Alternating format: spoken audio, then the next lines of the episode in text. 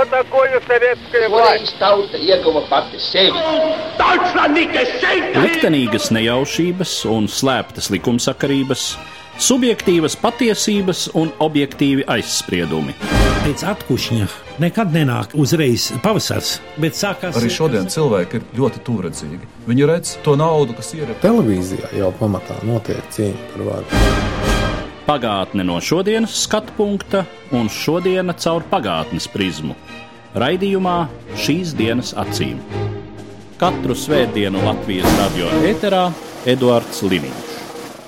Labdien, cienījamie klausītāji! Šodien mēs atgriežamies 200 gadus senā pagātnē, 1815. gada 18. jūnijā, kad pie Waterloo ciemata Beļģijā notiek imperatora Napoleona pēdējā un droši vien arī zināmākā kauja. Tā tad kauja pie Waterloo. Mana sarunbiedra šodien studijā vēsturniece Anita Čerpinska. Labdien! Labdien! Runājot par Waterloo, droši vien mums jāpakāpjas nedaudz atpakaļ pagātnē, un pirmais jautājums, kā tad notiek, kā Napoleons, kurš 1814. gadā ir cietis sakāvi un uzvarētāji lemj viņa likteni, atkal ir atgriezies Francijā un atkal vada Francijas armiju cīņā pret, nu jau septīto pret Napoleona koalīciju.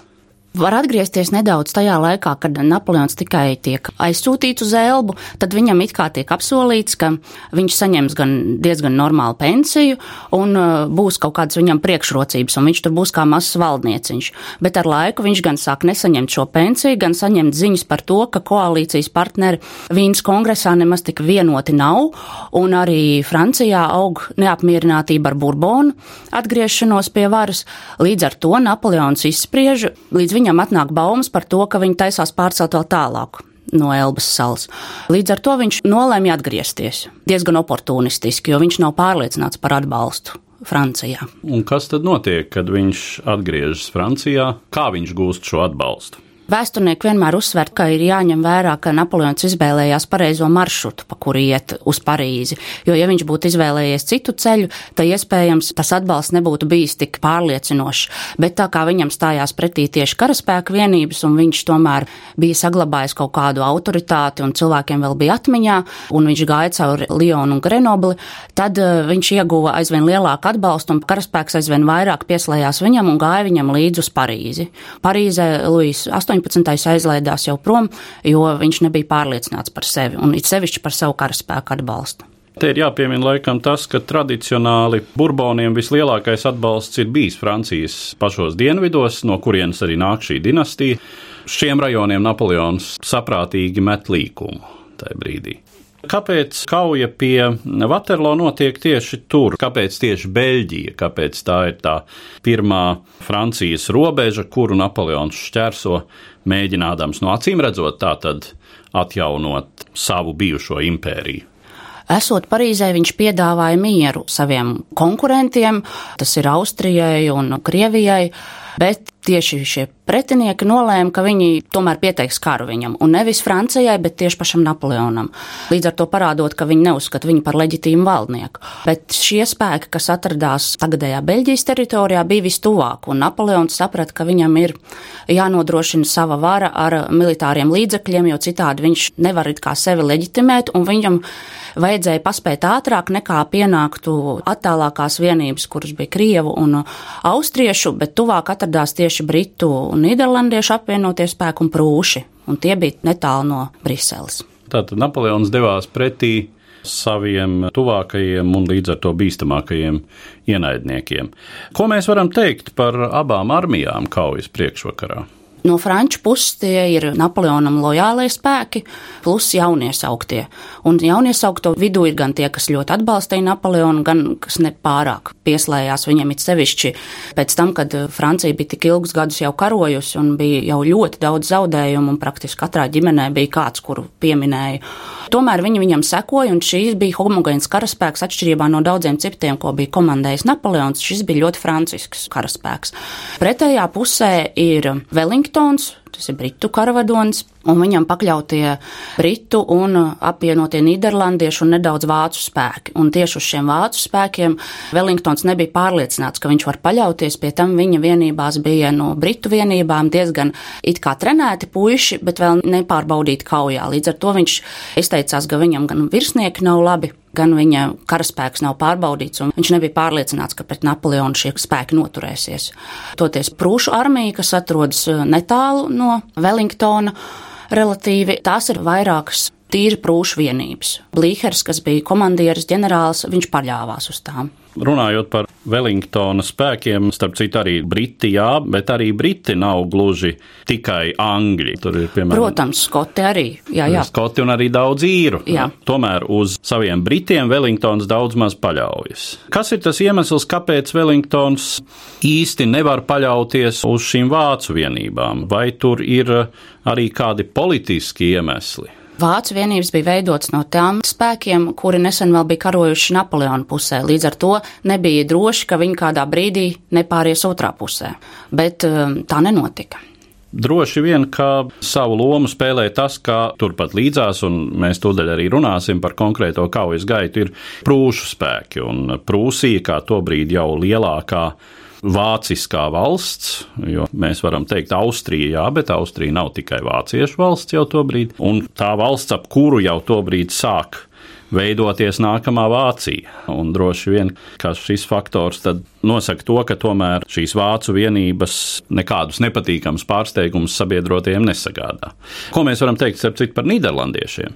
Kāds ir viņu noskaņojums? Jo Nīderlandieši, mēs zinām, ir diezgan ilgi bijuši Napoleona impērijas sastāvā un arī dzen karojuši Napoleona armijās. Jā, un arī Wellingtons par viņiem nedaudz šaubījās, bet arī viņi tomēr palika viņa pusē. Neskatoties uz to, ka kaujas gaitā tieši Nīderlandiešu vienības bija vistuvāk frančiem izvietots un ciet ļoti smagi. Runājot par tīri tādām taktiskajām kaujas spējām, vai sabiedrotie ir apmēram vienādā līmenī visi - bruņojums, apmācība un tā tālāk. Par to jau ir daudz diskutēts diezgan, jo pierasts ir teikt, ka šī Napoleona izdomātā kolona vienmēr var sakaut līnijas formējumu, kuru pārstāvēja tieši Briti, bet eh, tas nevienmēr ir tā, un arī prūši ir pierādījuši, ka ja līnija noturās pret kolonu nu, pirmajā triecienā, tad viņi var veiksmīgi darboties. Bet, um, Spēku samēra ziņā, ja kainieku bija gandrīz vienādi spēku puses, tad kavalērijas un artilērijas ziņā tomēr Napoleonam bija pārspēks tieši kaujas laukā. Jo pirms tam viņš bija iesaistījies kaujās gan ar Wellingtonu divas dienas iepriekš, gan ar prūšiem un veiksmīgi tur darbojies un arī diezgan liels zaudējums bija cietuši Briti. Vaterlo kaujas dienā viņš varēja nodrošināt sev kaujas laukā pārsvaru tieši artilērijas ziņā, kas viņam bija ļoti mīļa. Droši vien mums ir jāpastāsta mazliet vairāk par to, kā tad notiek karošana 19. gadsimta sākumā. Tā ir nepārprotami krietni atšķirīga no tās kara darbības, kādu mēs varbūt labāk pazīstam no 20. gadsimta, gan dokumentālām, gan mākslas filmām, nu nerunājot par mūsdienām. Protams, ka karošanas veids ir atšķirīgs, jo jau pašas armijas ir savādāk veidotas, un uh, klasiskais dalījums, protams, saglabājas tie kainieki, kavalērija un artilērija, bet katrā armijā ir sava specifika un savas stiprās puses, kas bija arī abiem Waterloo kaujiniekiem. Un, um, Parastais kaujas, vismaz Napoleonam, iemīļotākais veids bija sākt ar smagu artilērijas apšaudu un pēc tam pāriet kainieku uzbrukumā, un pēc tam, kad pretinieki kainieki jau sākuši neizturēt šo spiedienu, tad iesaistīt kavalēriju un sakaut līdz galam kainiekus. Tas ir vairāk tās tradicionāls, bet Napoleons bieži izmantoja arī dažādas manevras iespējas un izgāja gar flangiem un mēģināja sakaut arī tā savus pretiniekus, bet Vaterlo kaujā viņš izvēlējās tā nedarīt par ko ir daudz diskusiju, bet neviens jau nevar pateikt, kā būtu bijis, ja viņš būtu rīkojies savādāk. Jā, un šī piesauktā kolona, kā tad notiek šāds tā laika uzbrukums? līnijā var izvietoties daudz vairāk karavīru un būt iesaistīti kaujā vienlaicīgi. Jo līnijā viņi izvietojas pārsvarā trīs cilvēku rindas, viena notupusies un pārējie stāv un var šaut visi zālē. Kamēr kolonā ir vairāk uz dziļumu, un viņi izdara morālu spiedienu vairāk uz pretinieku, jo šaušanas kapacitāte lielāka tomēr ir līnijai. Bet tad, kad nāk virsū šī kolona, parasti pretinieks tomēr sašūpojas un padodās un tiek sajaukta viņa kārtība, līdz ar to ir vieglāk viņam uzbrukt.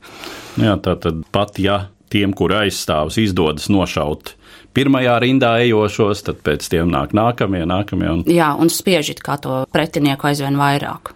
Te droši vien jāsaprot, ka tiem, kuri soļo kolonas priekšgalā, ir visai maz iespēja izdzīvot. Protams, tā tas bija, bet ja nostājās kolonas un sāk šaut aptuveni simts soļu attālumā viena no otras, tad bija ļoti liela iespēja, ka jūs tomēr izdzīvosiet, tāpēc ka šaušanas precizitāte ļoti samazinājās, un tad, kad tikai ir 50 soļi starp karavīriem, tad viņi var šaut daudz maz precīzi, un tas jau ir ļoti tuvu. Līdz ar to kolonnai vai līnijai, jebkurā formējumā, ir jāsagaida tas īstais moments un jānoturās, līdz pretinieks ir pienācis pietiekoši tuvu. Cik par to ir lasīts, tad eh, šajā gadījumā Wellingtona armija gan neizvietojas tādā līnijā, kā mēs to varētu saukt, bet tur ir arī šī aizsardzības taktika slēgtajos četrstūros. Tas bija dienas tajā pusē, kad Neiskas komandēja reāli Napoleonu karaspēku, jo Napoleons nejūtās īsti labi un nebija visu laiku kaujas laukā. Viņam likās, ka angļi sākuši atkāpties, jo vienā malā viņš redzēja atkāpjamies angļus, un tajā brīdī viņš pavēla vairākiem tūkstošiem kavalēristu uzbrukt šim it kā bēgošajam pretiniekam. Bet eh, Wellingtons laicīgi pamanīja šo uzbrukumu un salika šajos četrstūros, jeb karē. Un, uh, tas ir formējums tieši, lai atvairītu kavalēriju, bet tajā laikā, kad viņš stāv šādā veidā, viņus var apšaudīt artilēriju, jo viņi praktiski nekustās. Bet tieši Vaterlo kaujā var redzēt to, ka vairākas stundas Angļi varēja izturēt vairākas kavalērijas uzbrukumus un veiksmīgi turēties, neskatoties uz diezgan lieliem zaudējumiem. Vēlreiz, ja mēs saliekam tabulā vienas un otras puses priekšrocības un savukārt trūkums, tad kas ir tie trumpi, uz kuriem paļaujās Napoleons un kas savukārt ir tas, uz ko cer Wellingtons un viņa sabiedrotie? Wellingtonam ir vairāk trumpi. Viņš ir izvēlējies kaujas lauku, tas ir viņa iemīļotais gājiens, kaujas laukā noslēpt no pretinieka redzamības un arī no artilērijas uguns daļu kājnieku. Un viņš to arī izdarīja Vaterlojot veiksmīgi, un vēl viņš zina, ka tuvojas prūšu papildspēki, un viņam ir galvenais noturēties līdz tam brīdim, kad pienāks prūša un viņam varēs palīdzēt, un to viņš arī izdara, jo vakarā prūša atnāk un palīdz sakaut frančus. Kā ir ar skaitlisko sastāvu? Tajā brīdī, kad pienāk papildspēki, tad jau Wellingtona un Prūša apvienotie spēki ir lielāki nekā Napoleona karaspēks. Par kādiem skaitļiem mēs runājam? Apmēram 100 tūkstoši katrā pusē, kavalērija ir arī vairāk tūkstoši. Bet artērijas ziņā gandrīz simts ieroču pārspēks ir Napoleona pusē. Bet viņam viņus nāks dalīt, jo Wellingtonas kaujas laukā ir atrasts vairākas nocietinātas vietas, un viņš tur ilgi tur neliels karaspēks, kas traucē vienmērīgai franču kustībai un, un piesaist diezgan liels franču spēks, līdz ar to tie ir sadalīti un nevar kustēties vienotā frontē.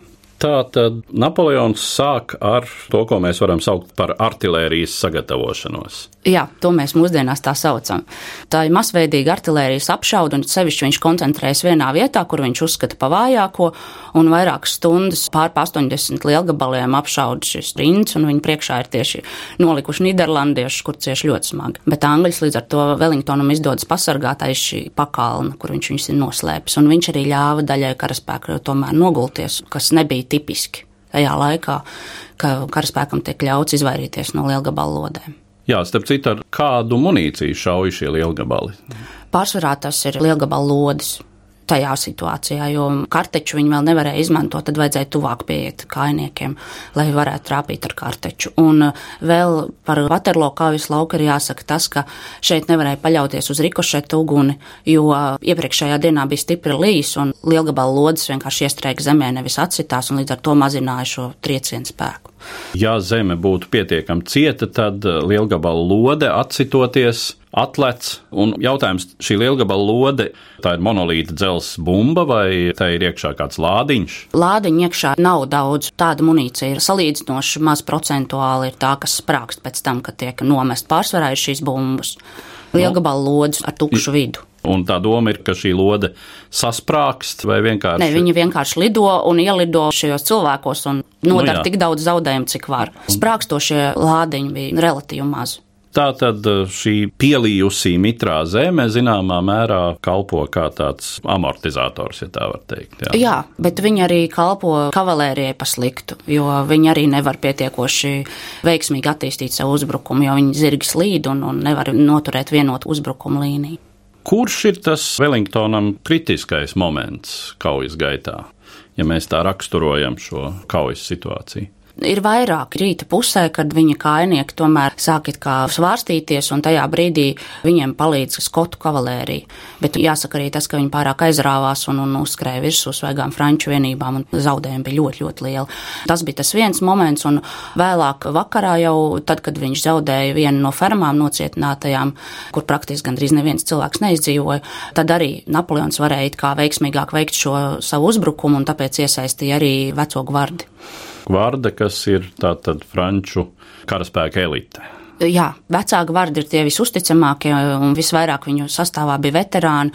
Un uh, bija pierasts uzskatīt, ka vecāku vārdi nesakaujami, jo viņi citās kaujās nekad nebija sakauta.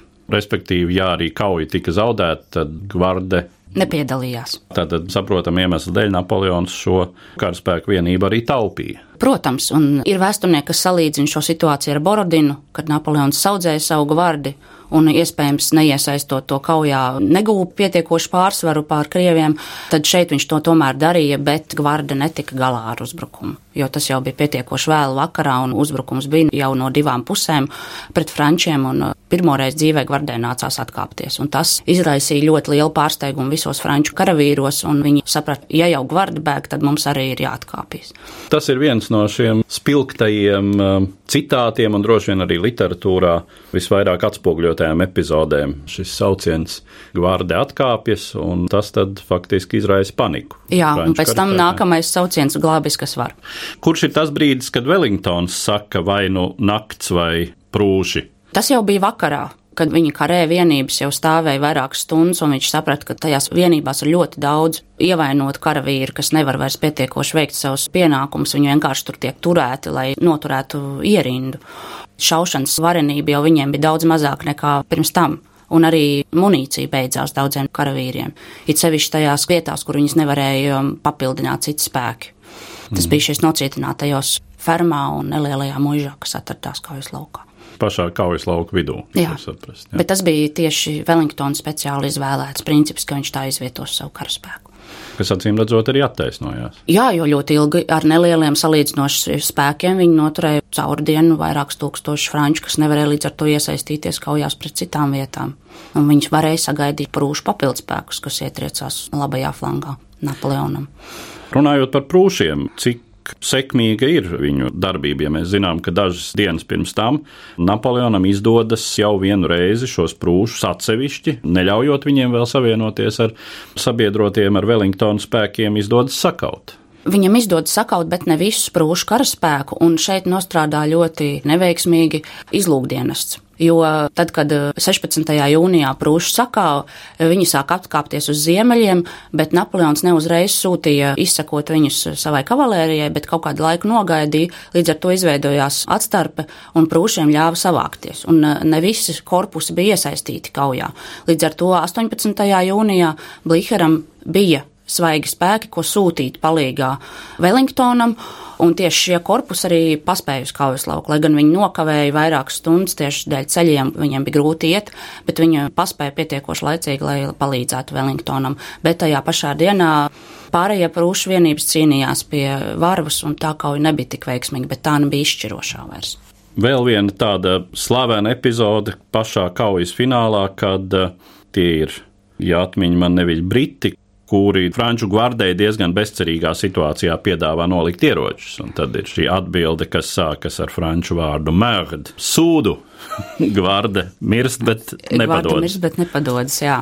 Vaterlo kaujā ir vairākas tādas frāzes, kuras it kā saglabā tradīcijā. Arī tā viena ir, kad skotu kavalērija ietriecās pretiniekās, tā viņi sauc Scotland forever, Skotija mūžīgi. Tā kā ir vairākas frāzes tieši no Vaterlo kaujas, kuras it kā ir iegājušas tradīcijā, bet neviens nav īsti drošs, vai kāds patiešām tās ir teicis.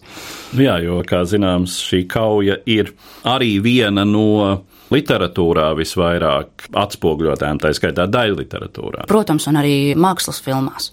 Jā, starp citu, atceros agrā bērnībā skatīt filmu, uz kuru vecāki diezgan neapdomīgi bija man paņēmuši līdzi, kas bija viena no ārkārtīgi episkām Waterloo kaujai veltītām filmām, un joprojām atceros dažus kadrus, sevišķi finālu, kur kamera lēnām slīd pāri burtiski līķu kaudzei Ko mēs varam teikt par zaudējumiem Waterloo kaujā? Nu, mēs jau šeit piesaucām vairākas epizodes, kad vienai un otrai pusē ir ļoti lieli zaudējumi.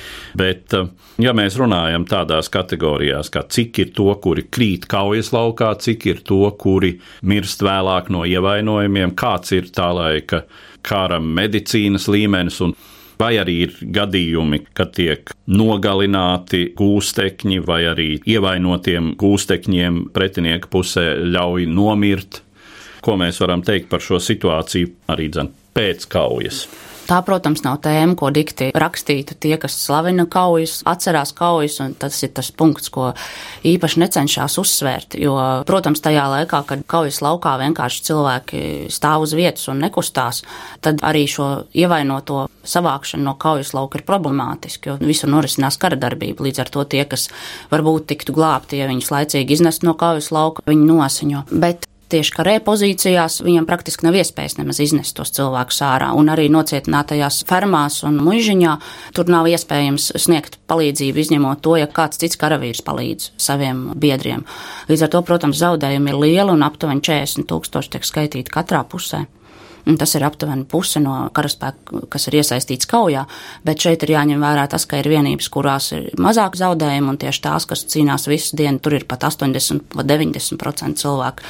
Parasti zaudējums skaita kopā smagi ievainotie plus kritušie un pazudušie, jo viņus nevar dalīt, jo neviens nezina, kas ar viņiem ir noticis, šie pazudušie cilvēki.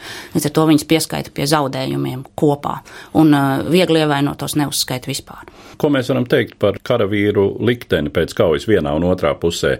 Franči, kuri krīt gūstā, kas notiek ar šiem gūstekņiem, cik ilgi viņi pavada šai gūstā? Pret gūstekņiem vienmēr ir dažāda attieksme. Karavīri parastie un virsnieki nonāk gūstā, jo tad tā attieksme ir stipri savādāka. Bet tieši pēc Waterlo nevarētu teikt, ka būtu zinām kāda liela ekscesi, kad eh, būtu iznīcināts šīs vienības, bet iespējams tas vienkārši tiek neafišēts vai nekur netiek pierakstīts. Jā, lai gan no otras puses jāsaka, ka šai laikā, kad, kā mēs mūsdienās teiktu, tāda karavīru indoktrinācija ir varbūt, teiksim, vēl bērnu autiņos. Tātad kara propaganda, karaspēka ideoloģiska apstrāde. Tas viss vēl tikai sākas, un šim karam vēl ir raksturīgs tas, ko 18. gadsimtā mēs pazīstam kā tā sauktos kabineta karus, kad eh, ar karaspēka palīdzību rēķinu skārto valdošās dinastijas, un tur vēl nav tādā mērā, kā tas ir vēlākajos karos, nav nacionālās piedarības apziņas, nav izjūtas par to, ka pretinieks ir ienaidnieks, tāpēc, ka tas pārstāv citu valsti vai tāpēc, ka tas pārstāv citu ideoloģiju. Tas viss vēl tikai sāks, lai gan šajā laikā jau aizmetni tam jau rodas. Jā, tieši tā Vācu brīvības cīņās jau tas iezīmējas, jo viņiem bija jau saistīts ar nacionālo jautājumu šis atbrīvošanas karš, kā viņi to paši sauc. Nu jā, un, un protams, Franči, kas ir pirmie,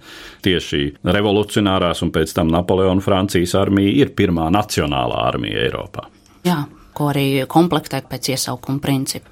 Tātad līdz ar to varbūt tās problēmas, kuras mēs, piemēram, tradicionāli saistām ar Otro pasaules karu, kad uh, pretinieks tiek uzskatīts piemēram par zemākas raudzes cilvēku, tas varbūt tam laikam nav īsti raksturīgi. Vismaz ne masās. Varbūt individuāli kāds cilvēks pret kādu izjūt kādu lielāku vai mazāku nepatiku, un varbūt ir kaut kāda ģimenes tradīcija vai kas, ka ir vairāk naids pret kādu citu nāciju, bet tas nav masveidīgi un populāri vai popularizēti. Ko mēs varam teikt par civiliedzīvotājiem šai pēdējā Napoleona karu epizodē? Cik lieli ir šie upuri, vai tie vispār ir? Pašā kaujas laukā tieši nebija skarti civiliedzīvotāji, bet eh, tad, kad Napoleons atkāpās, tad, protams, kad jebkura armija ir sakauta un atkāpjas, viņi gan var kaut ko nozagt kādam, gan kādu noslepkavot, bet neteiksim, ka tas ir eh, arī masveidīgi. Tas ir kaut kādi gadījumi, kad kādam kaut ko neiedod. Jo karavīrs, kad viņš ir nepaēdis, tad viņš kļūst nedaudz agresīvs. Maigi izsakoties nedaudz. Jā. jā. Vai arī, ja, piemēram, ir iespēja paņemt zemnieka zirgu, lai aizkļūtu projām no kaujas lauka, Nu, un zemnieks savukārt no zirga, kurš ir viņa vienīgais faktiski ražošanas līdzeklis, arī ļoti iespējams nebūtu tik labprāt neatsakās. Protams, bet ja otram ir šauteni, tad tur ir problemātiski tā saruna. Nu jā, tad tur ir bajoneti pret mēslu dakšām visdrīzāk. Jā, tieši tā. Jums arī bija iespēja šogad, nu pat nesen būt Vaterlo kaujas laukā, kur, es saprotu, bija visai vērienīga tā sauktā vēsturiskā rekonstrukcija šai kaujai. Jā, un tieši tas, ka tur bija ļoti daudz cilvēku, ļāva tiem, kas rekonstruēja kauju, parādīt vairāk šos kaujas aspektus tikai nelielākā laukumā, bet notikumi tika atkārtot ļoti precīzi tuvu kaujas notikumiem. Ja citreiz kaujas rekonstrukcijas laikā mēģina parādīt kādu mazu momentu, tad šeit viņi mēģināja parādīt praktiski visus posmus, kas notika kaujas laukā. Kā tas tiek organizēts tur uz vietas? Nu, es saprotu, ka statisti ir entuziasti attiecīgi šo vēsturisko kara klubu pārstāvji, kas jau ir apgādājušies ar nepieciešamajām uniformām, tā laika vēsturiskiem ieročiem un tā tālāk. Bet kā tas viss tiek organizēts. Vai ir kāds režisors, kas to visu pirms tam ir iestudējis, kas ir uzrakstījis scenāriju? Protams, jebkurai kaujai ir scenārijs, jo vienībām ir jāzina, ko kurai būs jādara. Bet iekšēji, protams, situācijā, kad kāds tiek apšaudīts un kāds krīt, tad tur jau puiši paši izvēlas, kurš būs tas, kurš it kā tēlo ievainoto un kurš kritušo, un citreiz viņiem apnīk gulēt, tad viņi pieceļas un aiziet no kaujas lauka. Bet lielākajos vilcienos, protams, viss ir saskaņots, jo tas ir arī saistīts ar šaujam ieroču izmantošanu, lai gan, protams, lodes tur nav, bet efektu radīšanai, protams, tur ir daudz dūmu un sprādzienu efekti tiek radīti abās pusēs, lai ir sajūta, ka tās lielgabala lodes arī krīt, lai gan viņi tur nav. Tāpēc ir jāsaskaņo šīs darbības, un tur tiek spraust speciāli mietiņi un sapieris taigā un spridzina visu un klusi darbojas pa kaujas lauku. Vai tur bija vērojami arī šie vēsturiskie personāļi, vai bija kāds, kurš tēloja imperatoru Napoleonu, vai bija kāds, kurš tēloja Wellingtonas hercogu un tā tālāk? Tieši tā, un, protams, šiem kungiem ir jāiztur konkurss, lai tiktu tādos augstos amatos, jo uz citām amatiem varbūt nav tik liela konkurence, bet Napoleona tēlot, protams, es domāju, gribētu jebkurš, kas rekonstruē kādreiz kaujas. Un šie vīri arī tiek pielasīti nedaudz līdzīgi Napoleonam, līdz ar to viņi ir neliela auguma, un tad, kad tiek apģērbti attiecīgi, viņi izskatās tā, kā ir redzams portretos un citās gleznās. Bija iespēja arī šos aktierus Tā viņa acīm redzot, ir jāsauc apskatīt tuvāk. Dienu pirms kaujas bija iespēja iet uz nometnēm, un tad visi varēja skatīties arī, kā ir izvietojušies šie puiši un apskatīt tūmā visu viņu iedzīvi. Un kaujas dienā viņi maršē visu uz kaujas lauku, līdz ar to var tūmā apskatīt gan bruņojumu, gan formas tērpu, jo tad, kad ir kauja, tad skatītāji sēž pietiekoši tālu, lai redzētu tikai masveidīgas darbības, bet individuāls cilvēks viņi redz sliktāk. Kā jūs kopumā vērtējat šo rekonstrukciju, cik tā bija izdevusies? ļoti masveidīga, bet tomēr labi organizēta, jo cilvēku bija ļoti daudz, bet neradās nekāda starpgadījuma ar masām, kas ir vērots citos rekonstrukciju gadījumos. Vēlreiz atgriežoties pie Vaterlo kaujas, ja mums ir jāatbild uz to jautājumu, kāpēc tieši šī kauja ir tomēr kļuvusi par pašu zināmāko no visām, kuras ir izcīnījis imperators Napoleons. Varbūt tāpēc, ka tā bija pēdējā. Un tā bija viena no nedaudzajām, kur viņš tika sakauts. Ar tādiem secinājumiem mēs arī noslēdzam mūsu šodienas sarunu, kas bija veltīta kaujai pie Vaterlo 1815. gada 18. jūnijā, pirms apmēram 200 gadiem. Un es saku paldies manai sarunbiedrei, vēsturniecei Anitai Čepinskai. Katru svētdienu Latvijas radio viens par pagātni sarunājas Eduards Līniņš.